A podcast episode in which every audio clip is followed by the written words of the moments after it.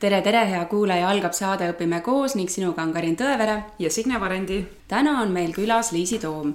Liisi on välja mõelnud ja eesti kõnekeelde toonud uue sõna persoonibränd. uurime Liisilt, mis asi persoonibränd on ja kas seda võiks vaja minna ka Eesti õpetajatel.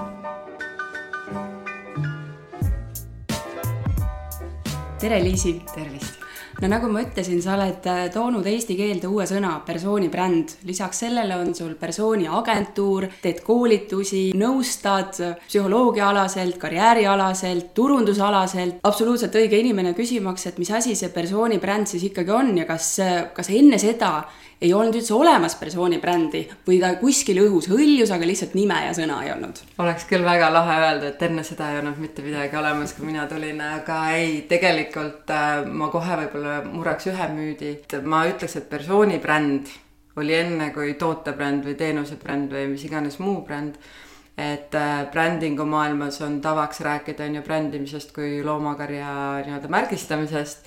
Ja kui, kui mina ka alustasin kümme aastat tagasi Eestisse selle teema toomisele, siis loomulikult eestlased, kes on kõige müügivaenulikumad inimesed justkui äh,, ka selle müüdi ma murraks äh,, hakkaks noh, et, et kas me oleme siis seep. Ja minu idee ja minu nii-öelda kogemus ütleb, et tegelikult see on täiesti vastupidi esiteks isiku põhjal nii-öelda brändi loomine on tegelikult kõige A ja O, sest juba, ma ei tea, vanad kreeklased, see oli inimene, kelle nimi oli tähtis, et sa usaldaksid, kas see, ma ei tea, oliiviõli, vein on hea üldse.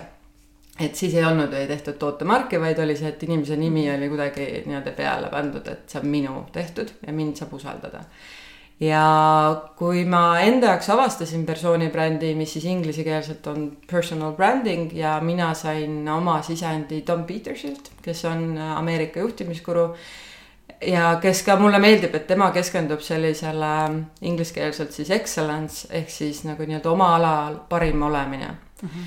ja enne kui ma sõna otseselt defineeriks, ma ütleks minu jaoks ja kuidas mina seda kasutan ja edasi annan on see valik, kuidas sa oma elu elad, äh, millist tööd sa teed ja kuidas seda teha nii, et need on sinu tingimused.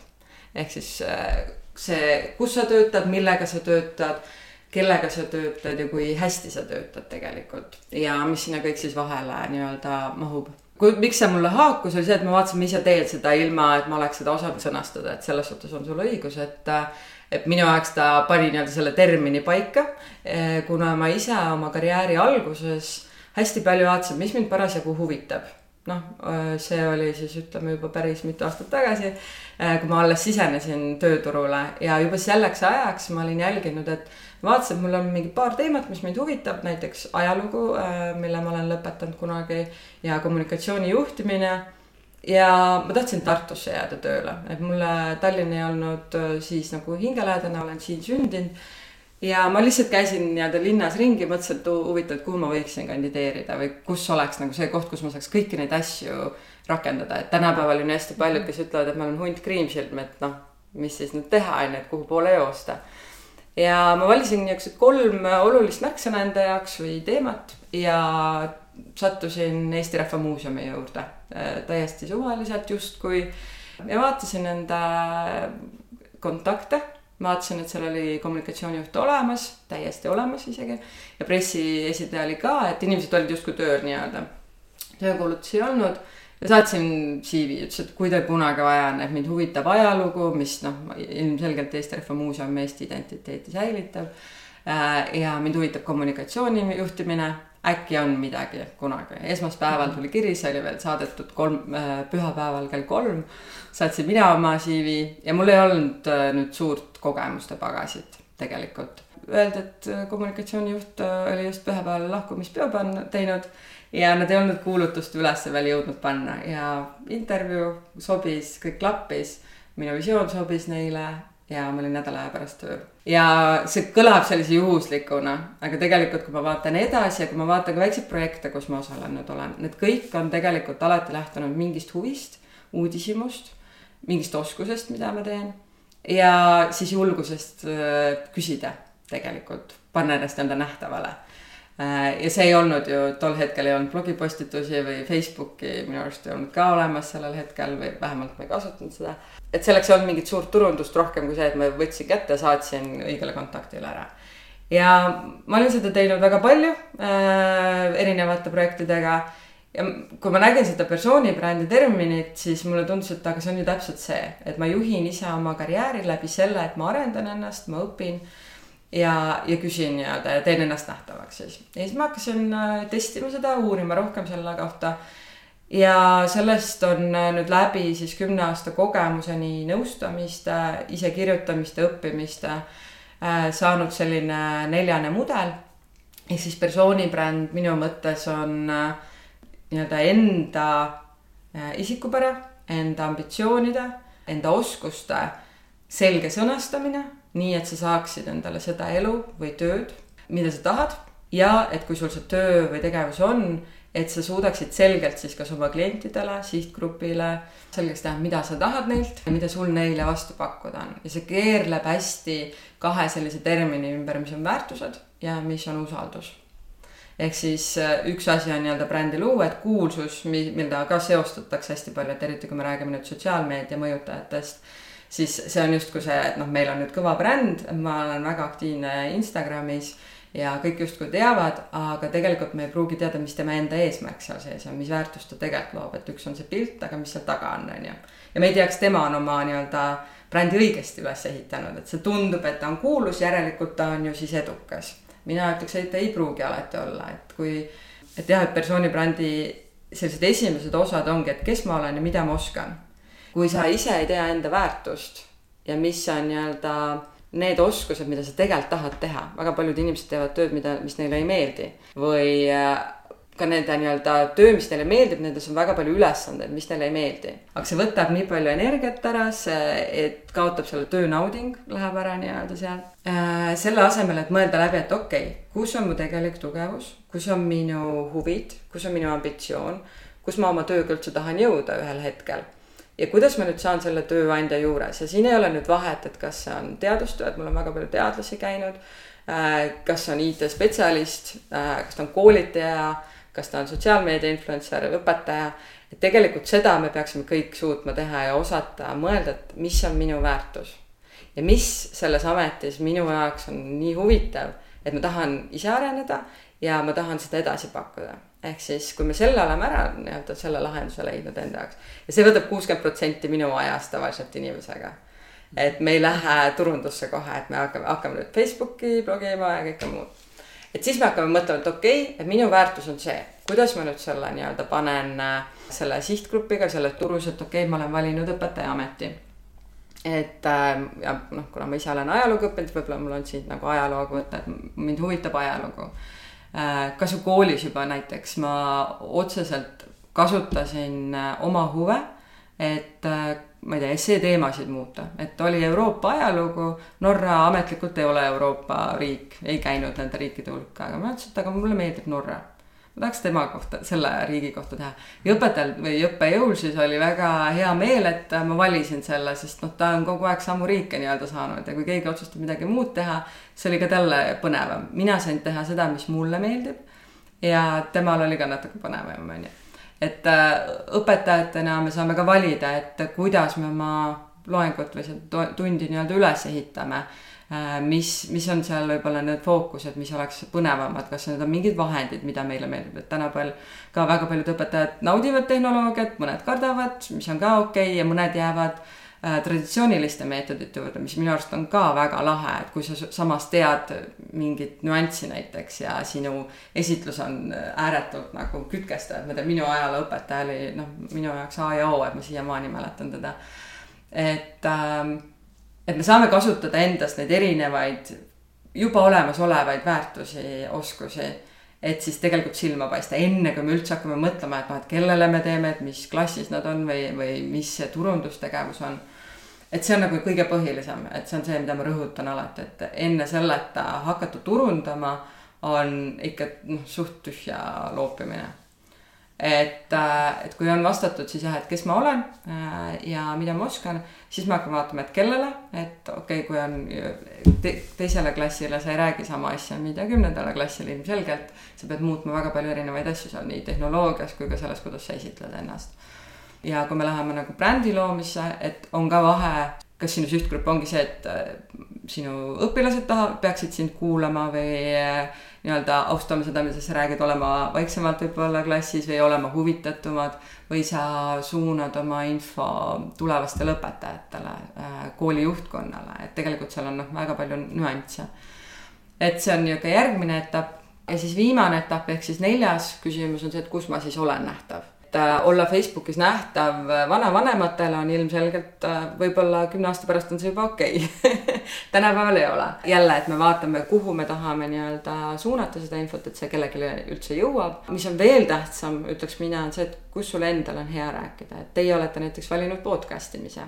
siin võiks küsida, miks te podcast imise valisite, mitte Youtube imise võib-olla küsimus teile vahepeal? no mina ütleks kohe selle, et äh, Eestis ei olnud ühtegi haridusteemalist mm -hmm. taskuhäälingut. teine asi, et me ei tahtnud näoga ekraanil olla mm, -hmm. et me nautisime seda, et me kuuleme ja meie silmad mm, -hmm. käed on vabad nii-öelda mm. -hmm. et taskuhääling seda võimaldab, et niidan muru, siis äh, ma saan mm -hmm. olla käed vabad mm, -hmm. silmad vabad, aga mul kõrv kuulab ja puhkab nii-öelda, et see oli minu jaoks see põhjus. sama põhjus, kuna me ise kuulame podcast'e hea meelega ja mitte ainult meelelahutuse eesmärgil, vaid ka, et midagi õppida. et siis tuligi mõte, et äh, tõenäoliselt on ka palju õpetajaid, kes äh, samamoodi õpivad nagu meie. pluss veel see lisandväärtus, me pakume haridusteemalisi nii-öelda väikseid koolitusi mm -hmm. meie kuulajaskonnale, aga kõige parema koolituse saame me ju ise, et me mm -hmm. ise kutsume külalised, ise saame küsida täpselt neid küsimusi, mis meid huvitab, nii et äh, win-win. ja täpselt see, selline turundus tegelikult olema peakski, et sa valid asja, mis sulle endale meeldib või vahend või kanali, mis sulle endale meeldib, sest nagu te ise ka teate, õpetajatele, kui teile midagi meeldib, on kergem õppida ka selle kohta, et ma arvan, et kui te alustasite, ega te ka ei olnud spetsialistid taskuhäälingu tegemisel, milline mikrofon oleks hea või kui pikka teha raadiosaadet. kui sinu töö ei ole turundus, mida tihtipeale, noh, tänapäeval juba aetakse sassi, et kõik inimesed peaksid olema turunduseksperdid aga nad ei ole, nad ei peagi olema ja see on minu järgmine selline hästi oluline nii-öelda sõnum, et ekspert on ekspert oma alal. persoonibrändiga ei peaks olema nüüd fookus brändimisel või turundamisel, see on ajutine. võib-olla mingil hetkel peab sellele rohkem aega, raha, nii-öelda tähelepanu suunama, aga oma olemusel, kui sa nii-öelda oled sellise esimese nii-öelda kaardistamise plaani endaks ära teinud, siis tegelikult eestlased eriti on tegelikult väga head müüjad. Ja miks ma seda ütlen on sellepärast, et kui ma vaatan oma eksperte, kes käivad kümme aastat oma valdkonna spetsialistid, võib-olla ainukesed Eestis, kes seda teemat teevad, väga nii-öelda kirglikud, mida ka meeldib ju öelda, et noh, et kirglikud oma alal. et tõesti, no nad ainult istuks ja teeks, ma ei tea, on nad siis programmeerijad või oma teadustööga mingi geeniteemad, vahet ei ole, personalijuhtimine, et äh, nad ainult sellega tegelekski. ja siis nad tunnevad seda kohustust, et ma nüüd pean justkui brändima või turundama või nii ja siis unustatakse ära, et nad ei ole turundajad ja nad ei pea seda tegema. Ja seni, kuni nad arvavad, et nad peavad turundama, see saabki sellise negatiivse nagu mõtte, et see on midagi sunnitud. ja siis tuleb ka see, et, et ma hakkan kuidagi esitlema ja kui ma esitlen, siis ma ei ole ju päris see, kes ma olen. ja siis tekib ka see, et ah, ma ei taha üldse, et ma parem teeks oma tööd, et kellele üldse vaja on ja ma ei taha oma nägu panna nii-öelda noh, et eriti toredad on need kliendid, kes tulevad, ütlevad, et ma tahan oma persoonibrändi luua, aga ma ei taha, et mind näha oleks ja kui sa siis hakkad küsima, et kui ma hakkaks teie käest küsima teie enda ala kohta, ka mõnes mõttes selle taskuhäälingu, ma nägin kohe, kuidas sul silm tegelikult särama läks selle taskuhäälingu peale. tegime video CV koolitust õpilastele ja ülesanne oli, ütleme siis üks CV nii-öelda teha ja me, kuna noh, oli suur mass, me pidime valima, ütleme neli-viis, et ma saaks kuidagi võrrelda või teha, noh. tüdruk valis ühe töö siis pärast tuli nagu küsima, et, et kuidas mulle tundus päriselt see, et noh, nad ei tahtnud avalikustada, nagu ikka noored ei taha, et kõigi ees neid hinnatakse, mis on jumalalt normaalne. et ta püüdis jah, ma hullult püüdsin nagu esitleda, et oleks nagu hästi, tuleks välja. et, et mulle tegelikult see töö nagu üldse ei meeldi ja siis ma küsisin, et aga mis sulle tegelikult meeldib. tegelikult mulle hullult matemaatika meeldib, tüdruk läks põlema, siis ma hakkasin lihtsalt küsima, ma nagu ei teinud seda video CV-ks või turundamiseks või asjaks et noh, et räägi sellest, mis sulle meeldib selles. ja, ja vot seal on kohe näha motivatsiooni, mul ei ole isegi vaja tema CV-d näha või et noh, ta on veel õpilane ka, aga ütleme praktikale võtta, mul on jumalast savi, mis hinded seal on, aga ma tean, et ta teeb kõik selleks, et ise õppida. ja inimesed, kes on motiveeritud õppima ehk siis tööd tegema, ongi need, kes lõpuks teevad ka kõige paremat tööd, ükskõik kui hästi nad nähtavad on, noh, mida iganes seal taga on, on ju. ja need on need inimesed, keda tahetakse tegelikult oma tiimi, oma projektidesse eh, ehk siis, ja see hetk on nüüd see, kus see müügielement tuleb sisse, ilma et sa tegelikult müüd sa müüdki seda, et sa oled kirglik nii-öelda. ja nii kui me teadvustame, et oh nüüd me peame kuidagi olema, siis äh, see, see tunne läheb täiesti ära, et ega minul on täpselt samamoodi, et kui ma pea, tean, ma pean nüüd hakkama hullult äh, persoonibrandist rääkima, et see on minu loodud ja et see on nii tähtis ja et tulge ostke minu toodet, on ju, või tulge minu boksi. siis see võtab kogu selle fun'i ära või sellise toreduse sealt ära ja kui ma lähen tagasi sellele, mida ma tegelikult teen igapäevaselt, need pisikesed asjad Äh, siis see ütleb palju rohkem ka sinu klientidele, inimestele, kes püüavad aru saada, millega sa tegeled.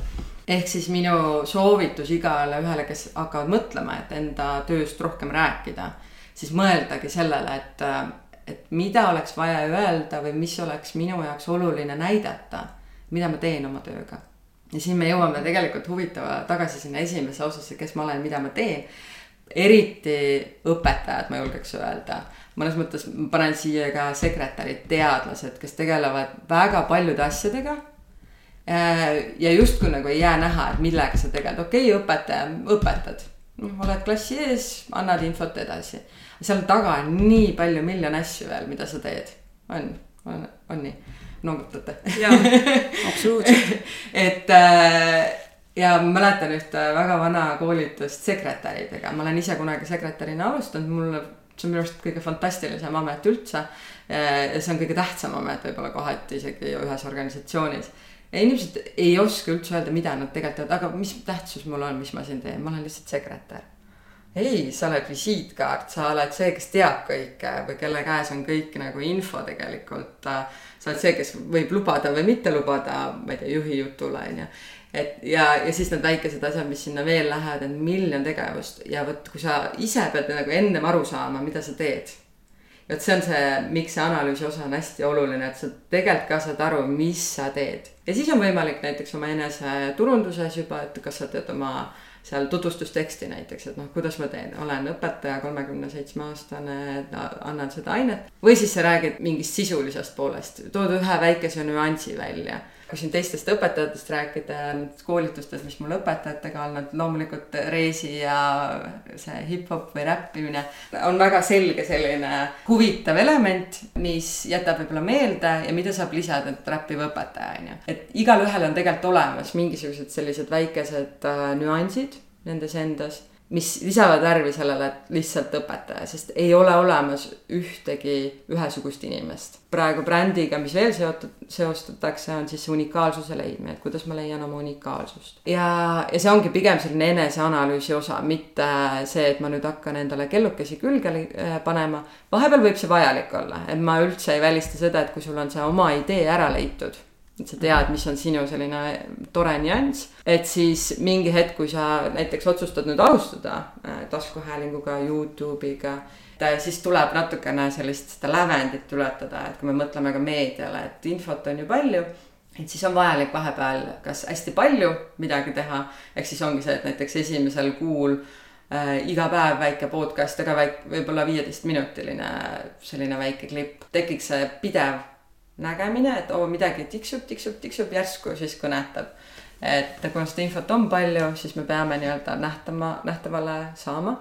ja siis tulevad kasuks sellised kellakesed ja vilinad ja ma ei tea, lilled juuksed või kellel mis on, et see väline on selles osas oluline, kui me räägime näiteks sotsiaalmeediast või äh, situatsioonidest, kus meil veel ei ole võib-olla võimalik ise rääkima hakata ja oma tööga nii-öelda, et meie töö ei räägi meie eest nii-öelda veel. et nii-öelda inimesi sisse tõmmata. kollased sildid jäävad poes ka paremini on ju meelde või suured plakatid jäävad paremini meelde. see on selline tavaline võib-olla selline turundustehnika, mida saab siis iseenda äh, juba mingi konkreetsema asja äh, nähtavale muutmiseks kasutada, aga see ei ole nii-öelda see bränd ise.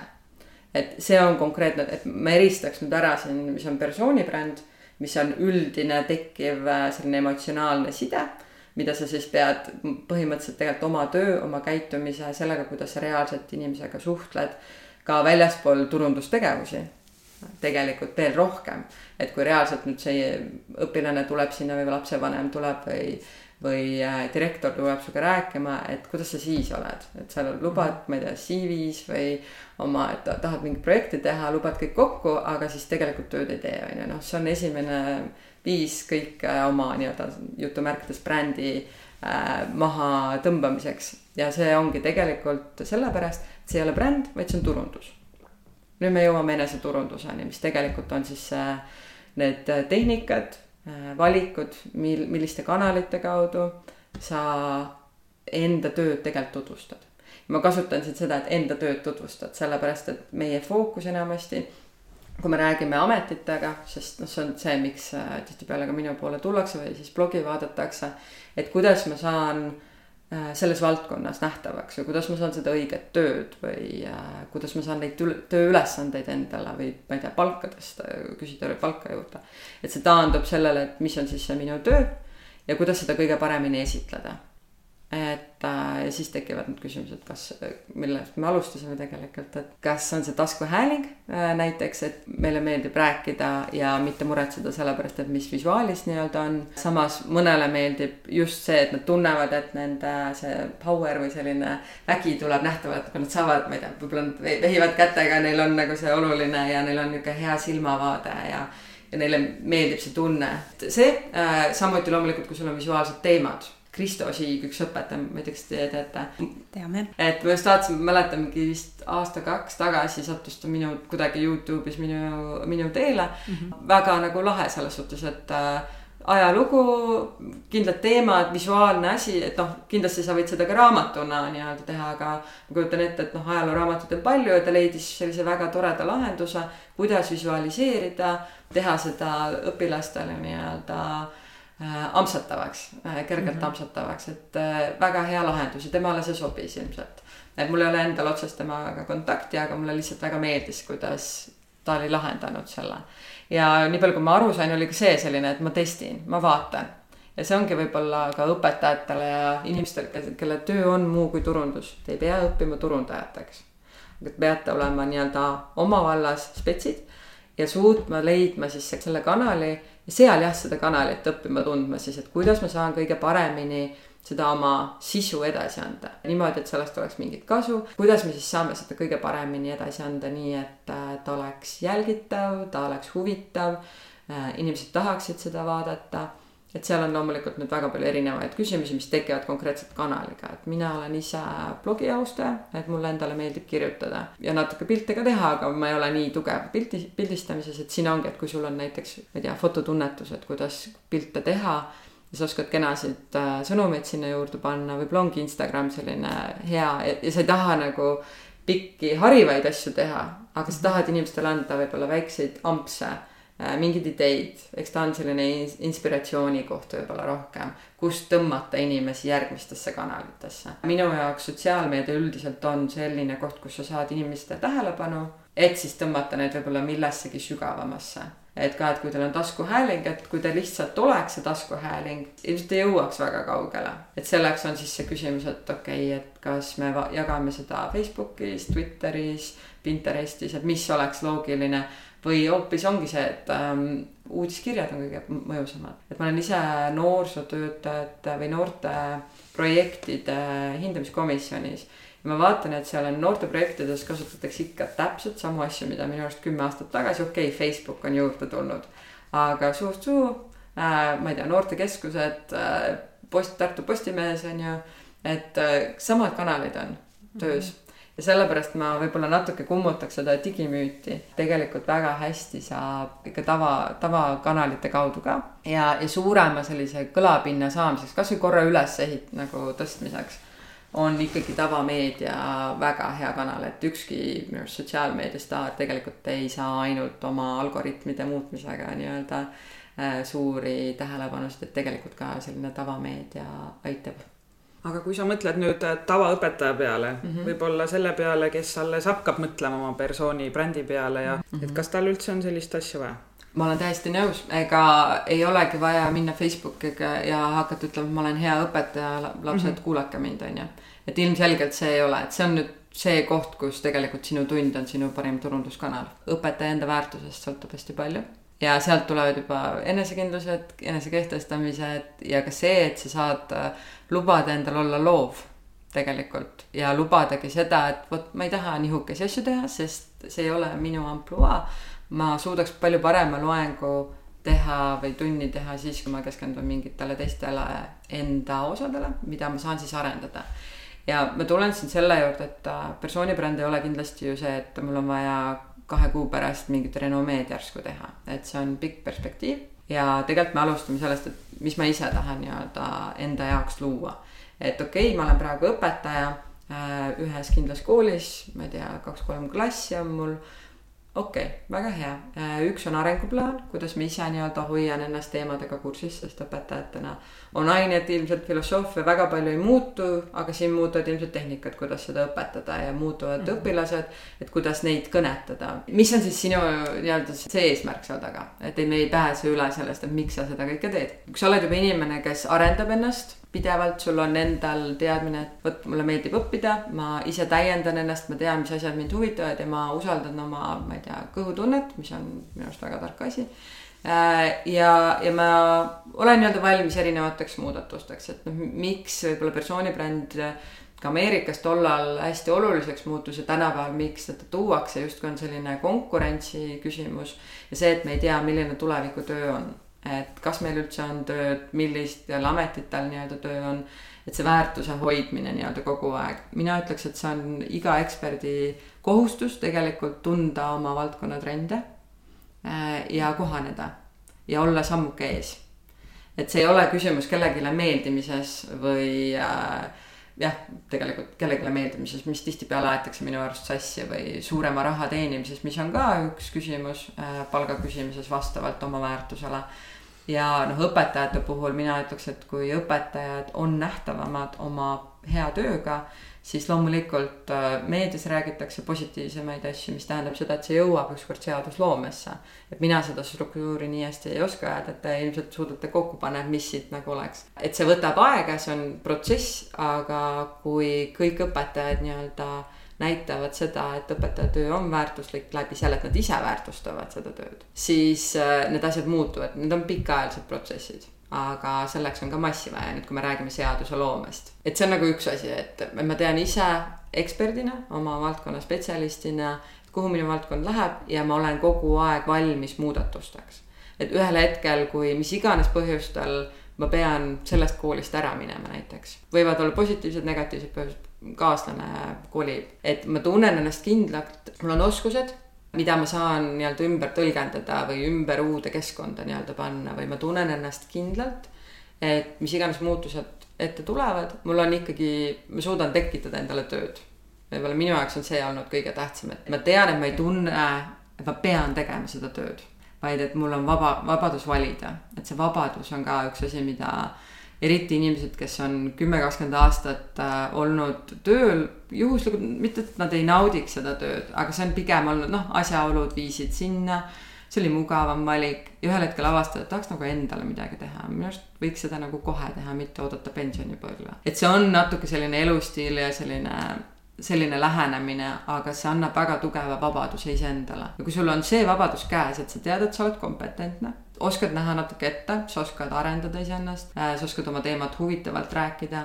sul ei ole seda hirmu ka küsida palka juurde võib-olla, küsida endale neid tööülesandeid, mida sa tahad ja neid ka saada. ehk siis noh, siin hakkabki nüüd see küsimus, et kui sa oled väikeses või, või suures meeskonnas, kui on paljud inimesed, kes tahavad kas mingit projekti näiteks endale või, ma ei tea, lisa, lisaülesandeid, et arendada näiteks uude positsiooni ennast, vahetada klassi või vahetada teemat. et siis ikka tekib see, et aga miks sina? ja nüüd see miks mina tulebki esiteks enesearengust ja see, kui enesekindlalt sa seda teed, tuleb täpselt sellest teadmisest, et ma tean, miks ma sinna sobin.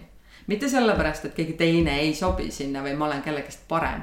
et sellepärast, et see on minu ambitsioon, mulle meeldib see asi ja mul on olemas noh, kasvõi minu hobid, huvid, asjad näitavad, et see ei pea olema selline formaalharidus, aga et ma juba teen neid asju, mistõttu ma olen ainu, ainuloogiline valik teile mm. -hmm et sul on endal kergem nii-öelda ka rääkida seda ja inimestel on hea uskuda sind mm, -hmm. sest sul on tegelikult näidata juba mm -hmm. midagi ja siin tuleb sisse see, et sa ei pea nüüd hakkama ennast turundama, vaid sa oled juba nagu, see on loominguline ja loomulik protsess olnud, sul on see asi olemas, sa saadki juba ette sööta selle.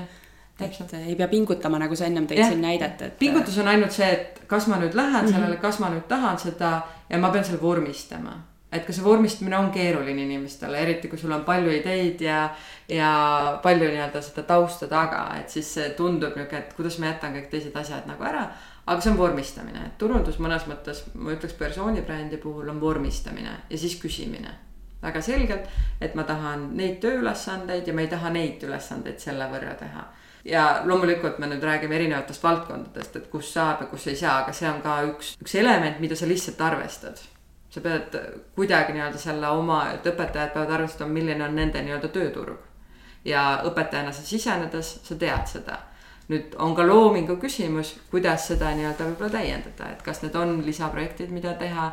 ja nüüd on see küsimus, et kuidas sa ühendad neid oma tööga, et sa nüüd ennast katki ei tee, on ju. ja sama võib-olla vanematega, et puhtalt juba see, et kui sa oled läbi analüüsinud, et mis on sinu roll selles õpetaja ametis ja, ja laste võib-olla mõjutamises ja kui, mida mõnes mõttes lapsevanemad tahavad näha, et nad sind usaldaksid. mis on see info, mis neil vaja, minu arust kõige suurem probleem tegelikult on puhtalt see, et ega inimesed ei kommunikeerigi et ma tahan seda infot saada, et äh, oma otsuseid teha, aga kui infot ei tule, siis mul tekib nagu küsimus, et mis toimub. inimesed suudavad igasuguseid asju välja mõelda. Ja kui õpetaja ei jaga infot, on lastevanematel täiesti vaba voli oma varasema kogemuse põhjal, mitte üldse seotud teiega nagu või selle konkreetse õpetajaga, ise luua toredaid pilte sellest. Mõned ei muretse üldse, sest neil ei ole pahasid kogemusi, mõned muretsevad väga palju, sest nad võib-olla on ise väga negatiivsed, et see on nüüd see, kus jälle teadlikkus sellest, mida sa teed ja mida inimestel vaja on, et oma otsuseid teha. ja siis seda nii-öelda järjepidevalt kommunikeerida. et see on selline võtmesõna, et ka lapsevanemad usaldavad sind, kui nad saavad sult infot ja nüüd tuleb siia see nähtavuse osa natukene juurde et esiteks sul on kergem infot anda, kui sa tead jälle, mis on sinu roll ja sa oled näiteks otsustanud, et iga teisipäev ma teen lihtsalt väikese kokkuvõtte eelmisest nädalast, mis, mis oli võib-olla põnevat, mis juhtus meie klassis, ma ei tea, klassijuhatajana ilmselt, mis põnevat juhtus või mis on tulemas. see ei pea olema uudiskiri äh, disainitult äh, kakskümmend lehekülge pikk ilusti sotsiaalmeedia pildikesed tehtud ilusti ja siis kõik, äh, ma ei tea, väga seo-ga läbi mõeldud ja psühholoogilistest vaatenurgatest ja kuidas see mõjutab kõige, ei, see ei pea seda olema. Peab olema võib-olla viis lauset ja üks link, et vot meil tuleb nüüd, äh, ma ei tea, laager või mingi külastuskäik. pidage meeles, et vaadake seda, selle plaanimine on see asi, mis tuleb ära teha, et okei okay,, mul tuleb järgmine õppeaasta mida ma võiksin see aasta teistmoodi teha, et kuidas ma saan nii, et ma algusest peale juba teen endale lihtsaks selle, et ma kommunikeerin vanematega rohkem näiteks. Üks asi on see, et mida neil vaja oleks, võiks vaja olla, et seda sa saad oma kogemusest ilmselt teada. see ei ole selline standardne turundusteema, et ma nüüd ütlen, on ju, et mida peab tegema. aga mida ma võin öelda, et on standardne, inimesed tahavad infot ja nad tahavad teha selle valiku, et kas see on neile oluline või mitte aga inimesed võivadki, et sa võid tegelikult viis korda inimestele sama asja rääkida. ja nad alles viiendal korral panevad seda tähele. ja kui nad, neil tekib nüüd ootus, et vot tuleb nädal ennem info, et tuleb näiteks mingid rahad üle kanda või et et klass tervikuna näiteks on, võiks mõelda, kuidas võib-olla rohkem ühtsust tekitada. et kutsud kaasa, mõnele jääb nagu külge, mõnele ei jää külge, et mõni saadab oma idee kohe näiteks. et see on ka see suhtlemisviis, et kas sa võtad, et teie kaugel kuskil seal ja mina siin üksinda või siis vastupidi, et me oleme koos selles, et ja sa suhtled nendega nagu tavaliste normaalsete inimestega, kelle ühine eesmärk on lastele parim haridus anda, et nad saaksid hakkama endaga, on ju. et see, need on nüüd niisugused pisikesed asjad jälle, mis põhinevad selle kanali valikul ja mida on vaja edastada. aga see plaan, et ma tahan luua rohkem head ühi-, ühise olemise tunnet ka vanematega, et nad teaksid, et me teeme siin asju, et meil toimub asju ja neil oleks inf-, et nad teaks, kust nad infot saavad, kui neil see küsimus tekib. kui sa seda nii-öelda jagad ja teed seda järjepidevalt, et nüüd tuleb siis sisse ka järjepidevus.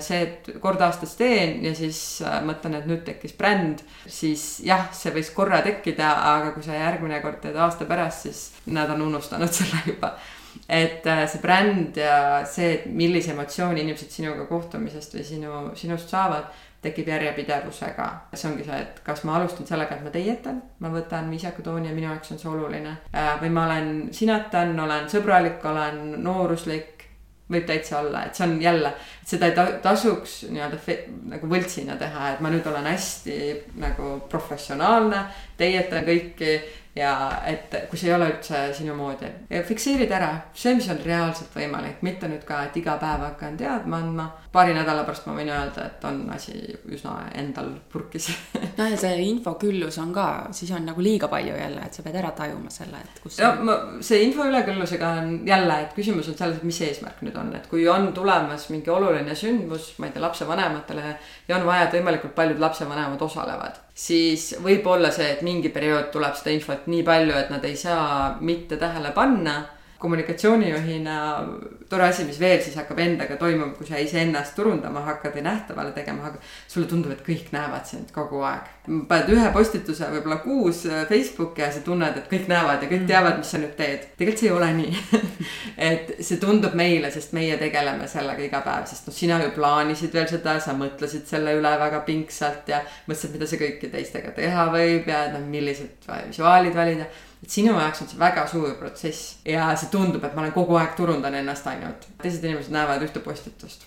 Te saate ju ka sisse kogu aeg seda infot, et küll on ühed programmid, ettevõtlusprogramm siin, ettevõtlusprogramm seal noh, seda infot tuleb väga palju, et siis küsimus on lõpuks see, et kes vastupidavam on ja kes võib-olla vahepeal pealekäivam on, et kes tulebki võib-olla kooli kohale, ütleb, et ma tahan nüüd teie viite minutit teie aega. Et see on see müügikoht kohati, aga ega te ka ei mäleta neid ülejäänud viitekümmet programmi enam. Nemad võib-olla panustasid sellele, ma ei tea, neli kuud, et seda ette valmistada ja mõtled ka, et jube palju sai turundatud. mitte mingit kasu polnud, on ju just. selles suhtes see hirm, et jube palju saab, ma julgen öelda, et kui te täiskohaga turundustööd ei tee, siis üsna tõenäoline on, et seda ei saa väga palju. et võtke see hirm kohe maha. nüüd äh, noh, õpetajatel kindlasti on võimalik näiteks oma arvamusi kas valdkonna kohta, õpetamise kohta on ju, kuulsin, on õpetajate leht, on erinevaid uudiskirju. et ka see on selline, et kuna see on nüüd hästi avalik justkui veel, avalik meedia. septembris hakkab kool, ilmselgelt hakatakse kooli teemades rohkem rääkima võib-olla oleks mõistlik ka siis võtta midagi, mingi teema, sest see on huvitav, ajakirjanikud tahavad seda teemat. või siis vastupidi, et näiteks äh, on oluline õpetajatel rääkida ka sellest, et puhkus on oluline on ju. ja, ja kuna oleks parim seda teha, on suvi tegelikult või alustada blogiga näiteks õpetaja suvel, ma ei tea, võib-olla on tehtud juba selline, see oleks hea idee. -hmm. et sa saad ajatada, sa saad planeerida kui sa vaatad suurt pilti, et jah, kui sa vaatad homset päeva ja mõtled, et homme on mul vaja nüüd midagi luua, siis sa oled üsna hädas. õpetaja mõtleb, et homme on mul vaja need, need, need tunnid ära anda ja, ja, ja selleks võib-olla kontrolltööks tahad kuidagi ette valmistada, et, et ei olegi aega mõelda selle peale.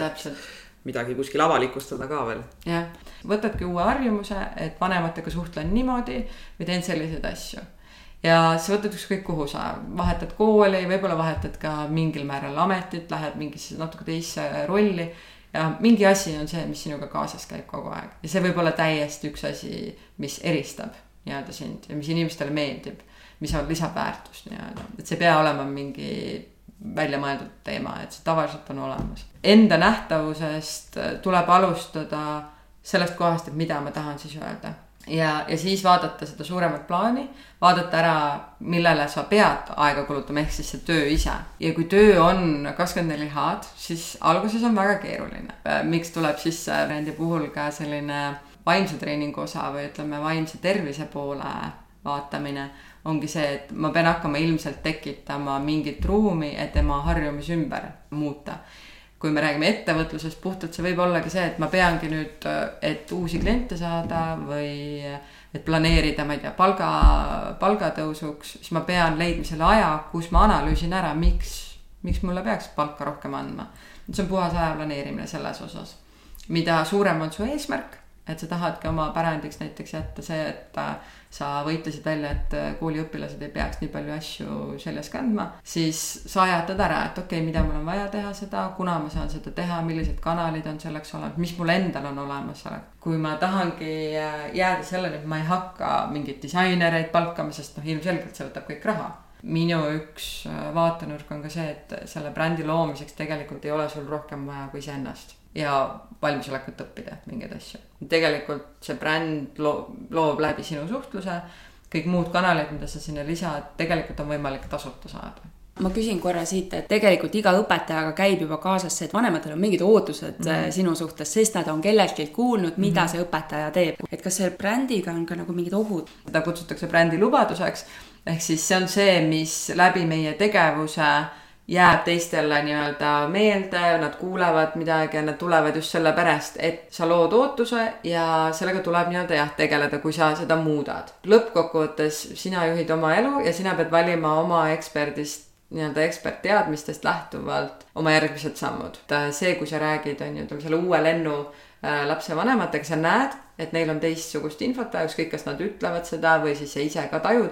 tuleb anda natuke aega Äh, ja selgitustööd teha. mis veel juhtub, on siis, et kui, äh, kui sa üldse vahetad võib-olla karjääri, et kuidas üldse nii-öelda sellest vanast, et ma olen õpetaja, ära mhm. tulla tavaliselt on ka see selline protsessi küsimus, et äh, kui sa vahetad karjääri, ilmselt sa oled sellele tegelikult rohkem mõelnud kui see, et ma nüüd järsku otsustan medõeks üldse hakata. et see ei käi tavaliselt nii lihtsalt ja siis, mis juhtub, on ka see, et tegelikult sinu klient ju muutub, et enam ei ole need, kes õpetaja, ütleme siis teenust võib-olla äh, said, et need ei ole need, kellele sa suunad oma infot. et jah, jälle sa pead võib-olla teistele rääkima, et ma enam ei tegele nende küsimustega, et see on minu otsus. Ja mõnes mõttes sa ei pea ka seda väga sege-, nagu selgitama, aga oluline pigem on jälle seesama endas äh, arusaamine, et miks sa seda teed sest siis sa oskad ka väga kenasti inimestele vastata, et sa ei pea väga sügavalt nüüd mõtlema hakkama.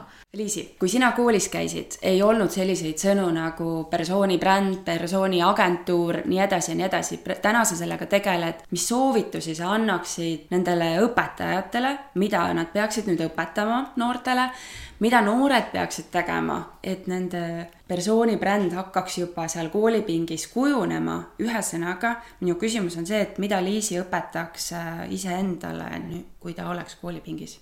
keskendu sellele, mis sind huvitab, õpi ära mis oleks võib-olla vaja õppida, on äh, selline julgus fokusseerida mingil perioodil ühele asjale võib-olla, katsetada läbi, proovida, et ma reaalselt proovin, kuidas see välja kukub ja olla valmis selleks, et ei kuku üldse välja või ei meeldi, et mulle ei meeldi seda teha, see ei tule mulle loomulikult. Äh, ja siis julgus ka vahetada. See on äh, minu arust noortel on võib-olla isegi see keerulisem, et neid juba oodatakse, et nad loovad oma brändi. minu arust võiks neil nagu veel aastaid nagu lasta mängida ja nautida, et meist saavad head eksperdid siis kui me oleme saanud mingi aeg mängida. Nende samade teemadega me oleme õppinud seda sporti armastama lihtsalt sellepärast, et meil on, see, see on mänguline, see on põnev, see on väljakutsuv, väljakutseid esitav. me tahame seda teha. Ja vot leida üles see, see tunne, et, et sa ei pea tegema persooni brändi. see on ka üks asi, mida ma kindlasti tahan öelda, et keegi ei pea seda nii-öelda nüüd võtma, et ma pean homsest hakkama plaani pidama sest see on esimene viis, kuidas sa ütled äh, kahe kuu pärast, ma ei taha seda teha. ma lähen suvalisse töökohta, kus ma lihtsalt saan rahulikult olla. see ei ole, see on hästi tavaline tegelikult, et äh, et kui me ütleme, et keegi peab midagi tegema, siis see on kohe nagu esimene viis öelda inimesele, et ta ei, või nagu teha, panna inimene amotiirituks.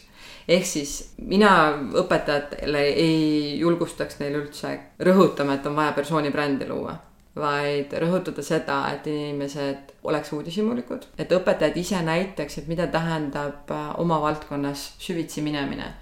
uudishimu tundmine selle valdkonna vastu, selle siis rakendamine ja katsetamine. ka noored saaks kätte selle, et on okei okay, proovida erinevaid asju, tunda huvi erinevate asjade vastu ja et on olemas viis, kuidas kõik tema huvid kuidagi kokku lähevad või siis nagu ma ennem rääkisin, et äh, jätta mõned asjad hobideks mitte keskenduda sellele, et on vaja Palmisaarele minna, vaid keskenduda sellele, mida sa tegelikult tahad teha, sest ma võin öelda, et väga paljud tulevad Palmisaarelt tagasi, et igav hakkab. Et me ei taha pensionile minna selles mõttes, et me ei taha mitte midagi teha, me tahame alati midagi teha, inimene on loodud kogu aeg mingil määral tööd tegema. Ja nägema ka tööd äh, põnevana. Et see ei ole see asi, mida sa pead äh, kellegi teise jaoks tegema, et võib-olla see on ka üks asi hästi oluline, mida nüüd tööandjad, mille juurde jõuavad, et sa ei pea tegema tööd kellegi teise jaoks.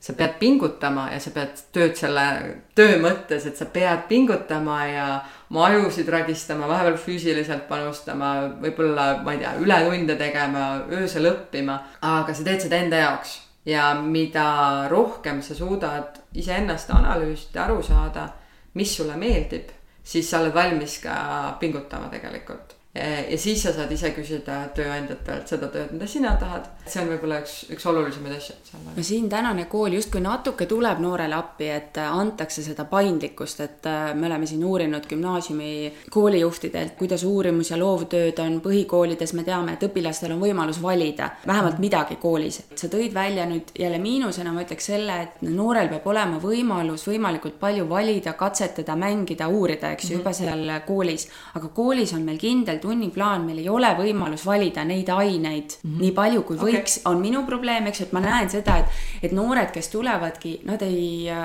nad ei ole saanud võib-olla um, oma huvidest lähtuvalt äh, valida. üks on see, et tegelikult ei ole nii palju valikut ja meil on mingid raamid mm. -hmm. raamid ei ole halvad tegelikult, et äh, see ongi tänapäeva teine probleem ongi see, et meil on liiga palju valikuid, et äh, me läheme rappa sellega, et me ärkame hommikul üles, meil on juba nelikümmend valikut alates sellest, kas üldse ärgata ülesse et see on ka okei okay. ja minu arust see, et koolis on mingid raamid, on väga okei okay,, sest meil on mingi kogemus, miks me õpetame mingeid teemasid.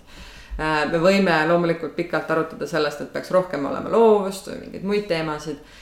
nüüd, kui sul on antud mingi raamistik, äh, siis minu soovitus on, on see, et kui sul on see raamistik, siis ka seal on tegelikult mänguruumi.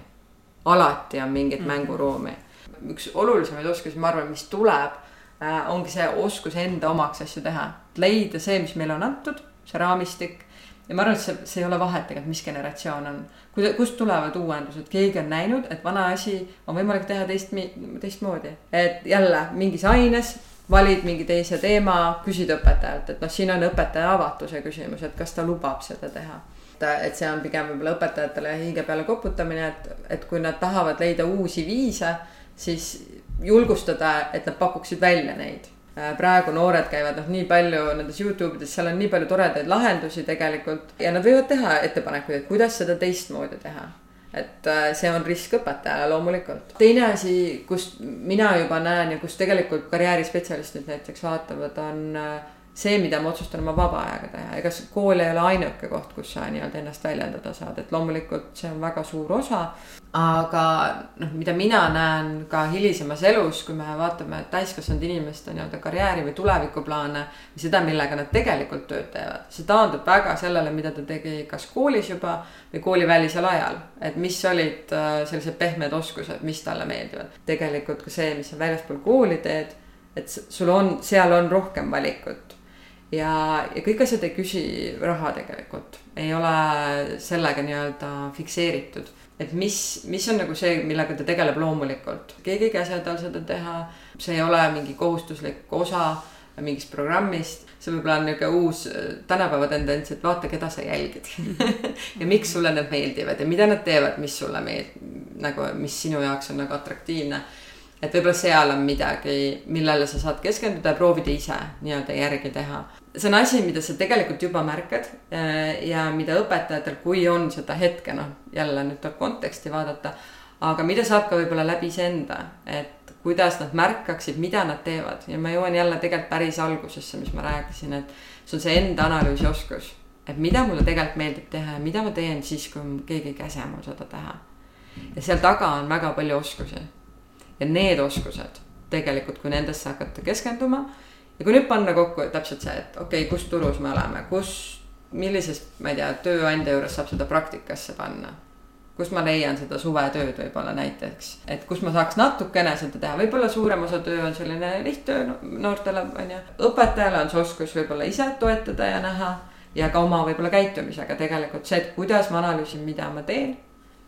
kus on siin need oskused, kus on need väärtused äh, taga ja kus ma veel võiksin seda rakendada, kus ma oma aja, ajugümnastikat teeksin, ma ei tea, ajaloos teha, et. ma näen, et Signel on kommentaarid, jaga palun. jah, selles mõttes ma ei tea, kas siit nagu kohe sellist otseselt küsimust formuleerida, aga kui sa ütlesid sõna õpetaja ja teenus, siis see teenus oli hästi ettevaatlikult öeldud selline, et mm., et mul ongi tunne, et kui ma mõtlen sellise keskmise õpetaja peale ja ka enda peale, et siis olen olnud sellistes vestlustes, kus noh, räägitaksegi, et me ei ole ju mingid klienditeenindajad siin ja või noh, ongi, mõeldakse selle peale, et õpetajat peab ikkagi austama ja see autoriteet seal oleks. Nemad tulevad ju minu juurde midagi saama ja, aga tegelikult, kui me tänapäeva peale mõtleme, siis äh, needsamad igasugused äh, brändi loojad, koolitajad, mentorid, coach'id, et tegelikult me ju räägimegi sellest, et õpetaja ongi muutunud justkui nagu mentoriks, juhendajaks kõigeks selleks, et me ei ole enam ainult selline kõige targem inimene ruumis ja teadmiste jagaja,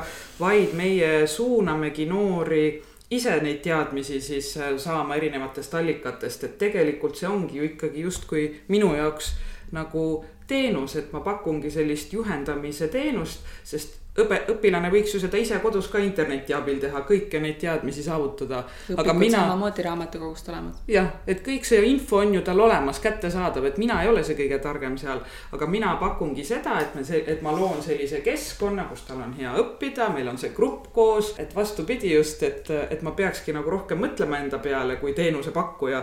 ja kui alguses mul oli kogu aeg selline tunne, et see persooni bränd ja bränding ja kõik on nagu sellise erasektori teema justkui, et mina olen ju riigi palgal, mul siin palganumber ei muutu, mina ei saa midagi teha, et ma pean lihtsalt oma töö ära tegema, nendest noortest võimalikult head inimesed kasvatama, siis siit see teine asi juurde, et huvitav oli kuulda seda, et õpetajaamet sai minu jaoks täitsa teise mõõtme. kui sa ütlesid seda, et kui ma loon hea persooni brändi endast kui õpetajast, siis üks hetk on ju võimalus ka, kui see kriitiline mass on saavutatud, et me muudame seadusloomet sellega. et tõesti, ma ei ole niimoodi mõelnudki selle peale, et, et mina teen oma igapäevast tööd nii hästi, kui ma tahan, aga tegelikult ma ikkagi koos kriitilise massiga olen võimeline kutsuma ellu muutusi, et see oli suurepärane siit kuulda, aitäh sulle, et ma sain kohe täitsa uue. tsiteerida uue motivatsiooni siit enda, enda tööle juurde ja, ja selle, et, et noh, ma olengi tegelikult selline juba blogi olnud olnud ja videoid teinud ja kõike jaganud seda oma tööd, aga et nüüd nagu selline ja uus plus, väärtus. ja kusjuures mulle tundub, et seda jagades me muutume ise nagu kvaliteedilt paremaks. me väärtustame oma tööd, nagu sa ütlesid, ja tänu selle, et me ise väärtustame, väärtustavad ka teised ja noh, seesama, see õpetajad praegu seal ETV-s ja igal pool, Eerik ja Leesi, kes seda persooni praegu nagu tõstavad, et me oleme nagu pildis, et me kajastatakse jah, et õpetajate puudus on, me ärkasime liiga hilja, tähendab selle persooni brändinguga, et me oleks pidanud varem alustama, siis võib-olla me ei räägiks õpetajate puudusest mm. -hmm. küsimust otseselt ei tulnud. sa ja... väga ilusti ka võtsid kokku selle lisaks ja sa ise ka, et äh, väärtus on nagu see märksõna ja kvaliteet on teine märksõna ja hakates tagantpoolt äh, pihta, et äh, no kust tuleb tegelikult halb maine on see, et kellelgi on üks halb kogemus olnud ja võib-olla täiesti õigustatud, noh, siin on palju muutujaid, on ju aga kindlasti on olnud kellelgi halb kogemus õpetajaga mm. -hmm. ja see üks kogemus, noh, nagu me teame, negatiivne kogemus loob suurema nagu fooni kui positiivne. Innove või Haridusministeerium võib tekitada suure reklaamikampaania, paneb ilusad pildid ülesse, ütleb, et õpetaja on väärtuslikud, aga kui see õpetaja ise tunneb, et ta, teda ei ole väärtustatud, teda ei hinnata palk on madal, ta ei naudi oma tööd enam ammu, ammu ta ei näe, miks ta peaks seda uuendama ise mandub, ise ei tunne enam veel, noh, see läheb järjest sügavamale. et noh, siis on tõesti see, et võib-olla on mõttekas kuhugi mujale minna ühel hetkel. just see, et miks iga inimene peaks tagama selle, et ta ise naudib oma tööd, on puhtalt see, et ta saab siis kvaliteetsemat tööd teha. ja kui ta näeb, et tema tööl on mõju Äh, mida nähtavam sa oled, seda rohkem sa tajud seda, et see on võib-olla see efekt, kus sa hakkad tajuma, et kui. Kui keegi küsiks sult praegu, et tule nüüd räägi, mis sa oled viis aastat äh, teinud oma õpetajaametis. noh, siis hakkad mõtlema, esimene mõte, ah, mis mina, on ju, võib-olla et miks ma üldse peaks kellelegi rääkima midagi, ma olen lihtsalt õpetaja. et see on ka seal lifti kõnede koostamises on eriti naljakas, kuidas inimesed hakkavad rääkima sellest, mida nad kõik ei taha või mis neile ei sobi või mis ei meeldi, et ma. ja siis on aeg läbi. ja siis on aeg läbi ja, ja vot siis ongi see, et me ei võta aega, et aru saada, mis on see, mis, mis meile meeldib. Noh, persooni bränd siis Eestis, seal seda sõna tõesti ei olnud. mina hakkasin seda kasutama, äh, see oli juba kümme aastat tagasi. kui sa näed, kuidas inimesed ei tule toime selle nähtavusega, sellepärast et nad ei usu ise, et üldse sellel mingit väärtust on. noh, sa ei saa turundada, see turundus on kõige kiirem viis siis purki minna mm. -hmm sa ei usu, hakkad veel kõvasti rääkima ja siis sa kogu aeg tajud, et noh, sa oled äh, jama juttaja. ehk siis kvaliteet tuleb kohe sisse, et nii kui sulle antakse mingit tähelepanu ka kui auhinda või midagi, keegi tunnustab, siis tegelikult me hakkame pingutama rohkem.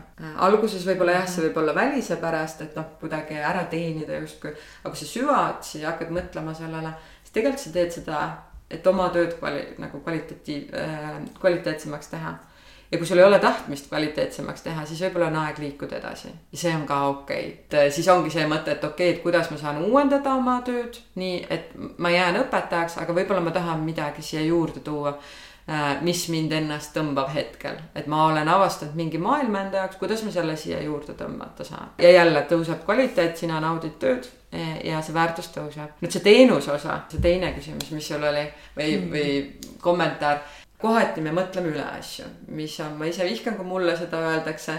aga vahepeal see nii on, millest see tuleb, ongi see, et me kahtleme oma selles kvaliteedis ja me tunneme, et me peame kõike alati uuendama. kõike alati ei pea uuendama, et selleks ongi hea, kui on mingid mudelid endale loodud ja usaldada seda, et sa tead, kuidas asjad käivad, sest sul on mingi ekspertkogemus ja siis leida viise, kuidas seda värskendada, aga mitte nii-öelda nullist hakata kõike tegema või kui see on sinu valik, siis ka nautida seda, mida me saame valida, et mis hinna eest me müüme, kellele me müüme. ja, ja mis see väärtus on, mis me sealt saame, et alati see ei ole rahas. vahepeal ongi see mingi oma visioon, mis lihtsalt tuleb ära teha, sest muidu sa ei ole rahulik või nagu ei ole iseendaga rahul tegelikult. ja vahepeal on vaja ka raha pärast väga nagu väga konkreetselt mõelda, et on vaja laene maksta, on vaja mingid unistused ellu viia on vaja turvalisust, need asjad kõik on inimesel eluringis sees. minu meelest, kui me siin nüüd natukene rahast rääkisime, siis seesama, et noh, õpetajal on ju kindel fikseeritud palk ja ega väga midagi muuta ei saa, aga ma mäletan, et mu õde juba ütles mulle kunagi, et tegelikult ikka saab küll, et kui sa oled, oledki ekspert ja väga hea milleski, siis sa ikkagi saad omal seda palka paremaks ka, et ka õpetajana saad ja nüüd eriti, kui meil on ju üldtööaeg, mis tähendab, et mul on mingi arv kontakttunde, ülejäänud siis tegevused ma mhm. justkui pean ise läbi rääkima äh, oma mm -hmm. direktoriga mm. -hmm. et siis, äh, siis ma siit nagu julgen arvata küll, et tõesti, et kui ma olen endale sellise juba persooni brändi või noh, tõestanud siis koolis oma persooni brändikagi, et, et vot ma tulen toime ka selliste, selliste, selliste tegevustega, mis mulle meeldivad lisaks tunni andmisele mm. -hmm. et siis ma saan kujundada küll oma seda tööpäeva või et, et ma tunnengi rõõmu, et ma ei pea ainult mm. siin kontakttunde andma ja ma ei saa mitte millegi muuga tegeleda.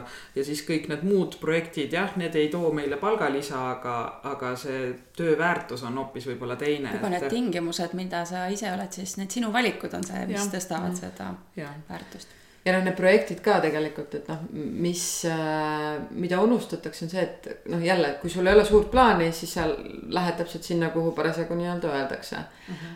aga kui su, su suures plaanis on võib-olla kasvõi lisaraha teenimine näiteks mingi, võib-olla mingi valdkonna konsultatsiooniga või mis iganes. et sa saad ka neid projekte, mis võib-olla täna ei anna sulle niivõrd rahalist sisendit, aga sa saad kasutada neid kui hüppelauda oma renomee loomiseks aga ka testimiseks, kas sa üldse tahad seda teha mm. -hmm. kontaktide saamiseks, vaadata, mis seal tegelikult toimub nii-öelda. see on nihuke riskivaba kohati ka on ju, et eriti meile, kes me tahame kõike kohe hästi teha, on ju, keeleõpetajad ka saavad kindlasti aru.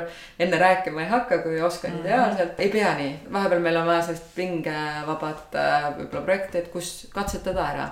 Ja, ja mis sealt veel tuleb, on see, et kui kui sul on see suur plaan olemas, siis sa saad ka iga tundi tegelikult ise juba hakata niimoodi, noh, näiteks sa tahad mingit tehnoloogiat hakata äh, rohkem nii-öelda kasutama ja rohkem ka selle, ma ei tea, tehnoloogia osa õpetamises selle kõneisikuks muutuda näiteks. väga lihtne, sa hakkad seda õpilastega koos tegema, see on juba sinu portfoolio mõnes mõttes. et noh, neid nüansse on loomulikult veel ja selleks on vaja nii-öelda sisse minna, mis asjad need täpselt on. aga see on jälle see loovuse osa mõnes mõttes see, et iseennast ei piiritleks, et see ei ole võimalik, jah, see võib täna ei pruugi võimalik olla. aga selleks ongi vaja läbi mõelda, et mis see tulevikus võiks olla see võimalik. et see üks harjutus, mis ma ise teen ja mis ma ise tegin kunagi, vist oli kaks tuhat neliteist või, äh, tegin äh, endale kalendri et milli-, mis asjad ma tahtsin, et mul kalendris sees oleks. sest mulle tundus võimatu, et ma panen näiteks oma kalendri treeningute järgi. keegi teine seda tegi ja mina tahtsin ka seda, sest mulle tundus see kõige atraktiivsem asi üldse, et aa, et sa validki trenni järgi oma tööle. mis ta oli, kaks tuhat viis, siis ütleme kuskil kaks tuhat kolmteist ma avastasin, et aa, ma nii teengi ja see muutus väga tu-, nagu suureks tugevuseks, kõik kliendid isegi, ma seletasin neile väga ilusti ära, et mul on vaja seda sellepärast, et mul on vaja mõtteid settida. füüsiline tegevus on juba teaduslikult tõestatud mm., et see setitab su mõtteid ja tekitab sul uusi ideid. et noh, kuna ma tahtsin ka postitada ja kliendid jälgivad seda, siis tekkis noh, vahepeal see, et aa, et tähtaeg läheneb ja sa käid mingi aerutamas aga põhimõtteliselt kõik need asjad on hästi võimalikud, mis puud tavaliselt on, me ise ei tea, mis me tahame ja kuidas see kalendris välja näeb isegi kui me näeme, siis me mõtleme, et ei, see ei ole võimalik. ja siis me ei hakka nagu liikumagi. niisugused baasilised asjad tegelikult, aga need kujundavad noh, sinu kalendrit, sinu kalender kujundab juba seda, mida sa teed. Ja tegelikult see, see, mida sa teed, on see brändi osa, et äh, jälle ma tahaks selle fookuse panna sellele tegevusele, et tegelikult need valikud hästi palju mõjutavad seda, see bränd on selline tore, lihtne konstrukt ühel hetkel et kui inimesed kas kuulevad sinu nime või mõtlevad mingile uuele projektile, et kes sinna sobiks, kui sa oled selles teemas juba nii-öelda sõna võtnud, projekte teinud, tiimiga rääkinud või jaganud oma mõtteid oma kasvõi sõbrannaga on ju, et kuule, et ma mõtlen selle peale. järsku sõbranna avastab, et kuule, aga siin on täpselt see pakkumine. tundub nagu maagiline universum on ju, tegelikult ei ole absoluutselt üldse mingi spirituaalne tegevus, et see on puhas selline, kus sa räägid millestki, inimesed kuulevad, näevad, panevad kaks asja kokku saavad neli, vahepeal saavad viis, midagi tuleb, mida sa isegi ei ootanud nii-öelda. ja, ja niimoodi see kujunebki äh, tegelikult sinu tegevusest mingi jälg, et äh, me räägime jäljest Facebookis, aga noh, see jälg kujuneb ikkagi iga päev nende inimestega, kes sul ümber on, esmalt eelkõige kui sa mõtled siin äh, veel õpetajate peale, sa mainisid räpiõpetaja Reesi, kas sul tuleb kohe veel mõni hea näide, et vot see õpetaja ja see on hea bränd? Kristo just selle oma Youtube'iga, et kuna see oli mhm. sotsiaalmeediaga, noh, Lauri Leesist ilmselt ei saa vist äh, väga üle ega ümber, sest mina mäletan oma lapsepõlvest ka seda Le Pomme äh, õunaga olemist, ma ei tea, võib-olla sellest oli ka minu huvi prantsuse keele vastu. minu jaoks kindlasti oli selline silmapaistev minu enda õpetajad, nad ei ole selles suhtes avalikud, et äh,. aga ütleks, maini ikka nad, et meil on õpetajatele suunatud saade, et hea meelega tunnustame ja. Maie Käppa, ma loodan, et ma eesnime mäletan õigesti nüüd, sest mm -hmm. sellest on ka ammu olnud, aga Käppa oli meie ajalooõpetaja ja noh, tema oli noh, fantastiline lihtsalt. käisin koolis Treffneris, siis äh, mis mulle hästi meeldis, et, et seal õpetajatel lasti ka minu arust kiiksuga alla. seal olid nagu kõik mm -hmm. õpetajad veits imelikud, olgem ausad. Ja mulle meeldib see, aga lõppkokkuvõttes mina mäletan seda, et ma võisin nagu väga imelik olla ja teha imelikke asju, erinevaid asju. ja õpetajad ja tegelikult pigem nagu selles vaatenurgast, meil oli väga korrektseid õpetajaid ja oli neid, kes noh noh, Ponto, ma isegi ei tea, mis ta päris nimi on, aga Ponto oli füüsikaõpetaja, tuleb äh, rahulikult äh, sussidega, äh, ujub sisse, muigab mõnusalt, onju, et noh ei pea olema mingis vormis õpetaja, et see isikupära minu arust, ma arvan, et see on see, mida õpetajal võib-olla järjest rohkem lubatakse. aga kui sa lased nii-öelda rohkem olla iseenda omal ja, ja õpetaja kuvand kui oma valdkonna spets, kes naudib oma teadmiste edasiandmist. vot see on minu arust see kuvand, mille poole nagu pöörduda, mitte mingi, ma isegi ei teagi, mis muu oleks, et see nagu ongi. Need õpetajad, kes seda edasi annavad, kes oskavad oma teema vastu huvi tekitada. noh, see on, see on nagu parim, mis olla saab mm. -hmm. ma võtakski võib-olla sealt selle just see gümnaasiumis jah, see oma teadmiste andmine, põhikooli tasandile selle teema vastu huvi tekitamine mm., et need nagu paneks need fookusesse. mul tuli äh, see mõte vahepeal siin, õpetajad ju tegelikult, ma ei tea, kas see on kohustus, äh, on see kooliti, on see linnati või on see lihtsalt see digipöörde vaimsus.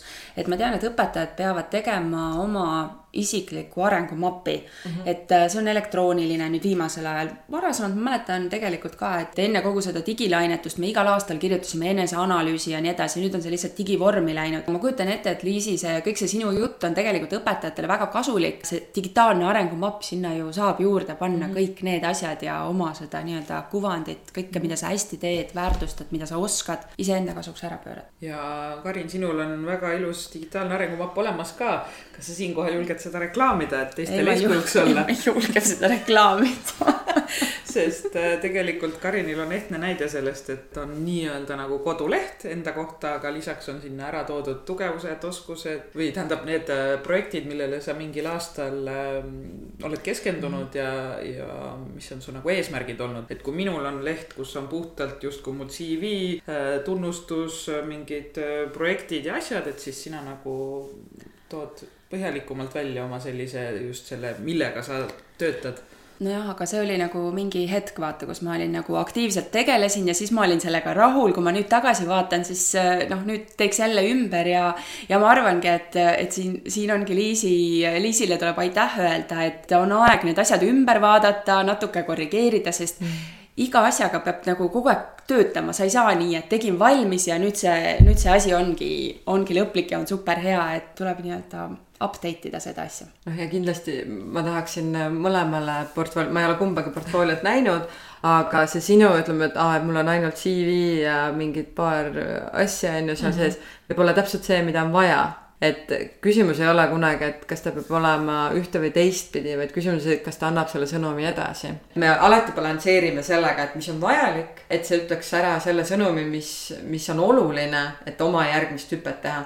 kui sa paned kõik oma auhinnad ja kõik oma tugevused ja kõik oma asjad on ju, et see analüüs, mis sa enda kohta teed, on ju päris suur tegelikult. ja kui sa teed seda iga aasta, siis see maht on meeletu. et sa pead äh, valima need asjad sinna mis sa tahad, et oleks sinu järgmised väljakutsed. ehk siis inimesed, kes vaatavad, peaksid tegelikult aru saama, et okei okay,, et talle võiks sellise väljakutse pakkuda, selle küsimusega tema poole pöörduda. aga tal on muud asjad ka, oh, see annab nagu värvi juurde, kui sa nagu, kui see on sinu jaoks näiteks oluline pigem mitte ka seal üle mõelda jällegi, et äh, mitte muretseda, et kas ta on äh, õige, ma ei tea, fondiga tehtud, nii edasi, inimesed, kes tahavad infot saada, et nad saaksid selle kätte, et see on nagu see miinimum.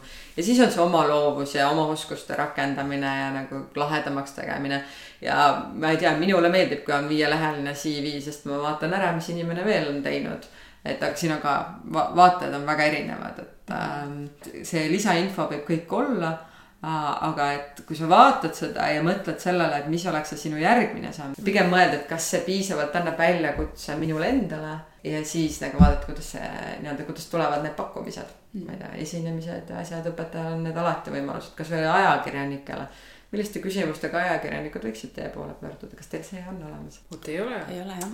no vot, aga võib-olla jätakski lõpuks sellise huvitava mõtte, kellel on digiportfooliod või kes lähevad konverentsidele või teiste õpetajatega suhtlema, et mis oleks see küsimus. see on äh, ka persooni brändi puhul võib-olla selline esmane küsimus, et mis on see küsimus, millega sa tahad, sinu poole pöördutakse. on see ajakirjanik, on see direktor on see sinu kolleeg, on see sinu lapsevanem.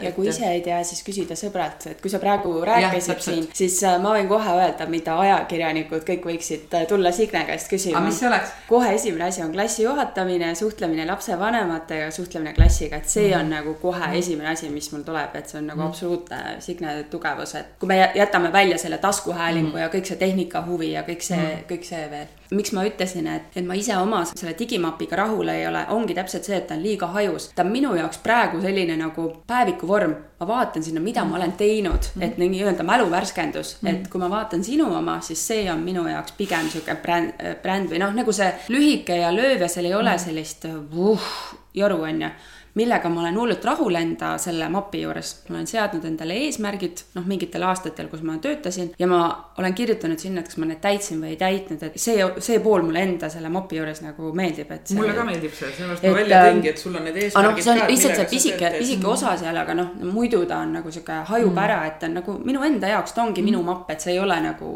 presenteerimiseks teistele, et tal on nagu teine funktsioon. Ma nüüd tahan siia ikka vahele öelda Karini kohta ka, sest jällegi lihtne on, lihtsam on öelda teise kohta, et kui, kui ajakirjanikud, kes te kuulete ja tunnete huvi selle vastu, kuidas juhtida ainesektsiooni ja tõmmata käima kogu seltskond klassiõpetajaid koolis, siis palun, Karin Tõevere oskab äh, anda ekspertnõu. Ja muidugi üldõpetus, mis on praegu mm. teemaks äh, hariduses üldse, et üldõpetust ähm, kooli tagasi tuua, et äh, väga head näited sellel, selles vallas on Karini tundides me peaks nüüd mõtlema välja ühe hashtag'i ja ütlema veel teie kuulajatele üles, ülesande, et mine nüüd oma ühele äh, õpetajale oma koolis või kellelegi teisele, kellegi teise juurde ja ütle talle need kolm asja, millega ajakirjanik võiks tema, tema poole pöörduda, et see oleks päris hea väljakutse teie kuulajatele.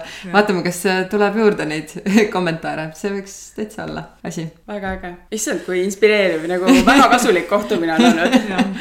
Aga kui noh, tegelikult mul on sealsamas blogis on kõik needsamad portfooliote kohta, et milliseid küsimusi endale esitada ja need turundustöölehed, persoonibrändi mudel ja need kõik on blogis olemas. et kes tahab, nagu saab sealt ise hakata tegema, et see ei ole väga suur teadus, see on lihtsalt kättevõtmise asi, võib sealt kindlasti vaadata, et persoonibränd.ee. kindlasti leiab alt äh, kirjeldusest ka Super. lingi. aitäh, Liisi ja täname sind, et sa jagasid meiega mõtteid ja et me oleme siis nii head, et meid ei saa enam ignoreerida järgmise korrani. Kuulmiseni. kui sinagi said koos meiega täna uusi mõtteid ja inspiratsiooni, siis anna taskuhäälingule hoogu juurde. likei, jaga ja kommenteeri meie postitusi sotsiaalmeediakanalites. kui soovid taskuhäälingut Õpime koos toetada, siis täname sind annetuse eest MTÜ Tartu Loomemaja arveldusarve kontole. kõik vajalikud lingid leiab saate kirjeldusest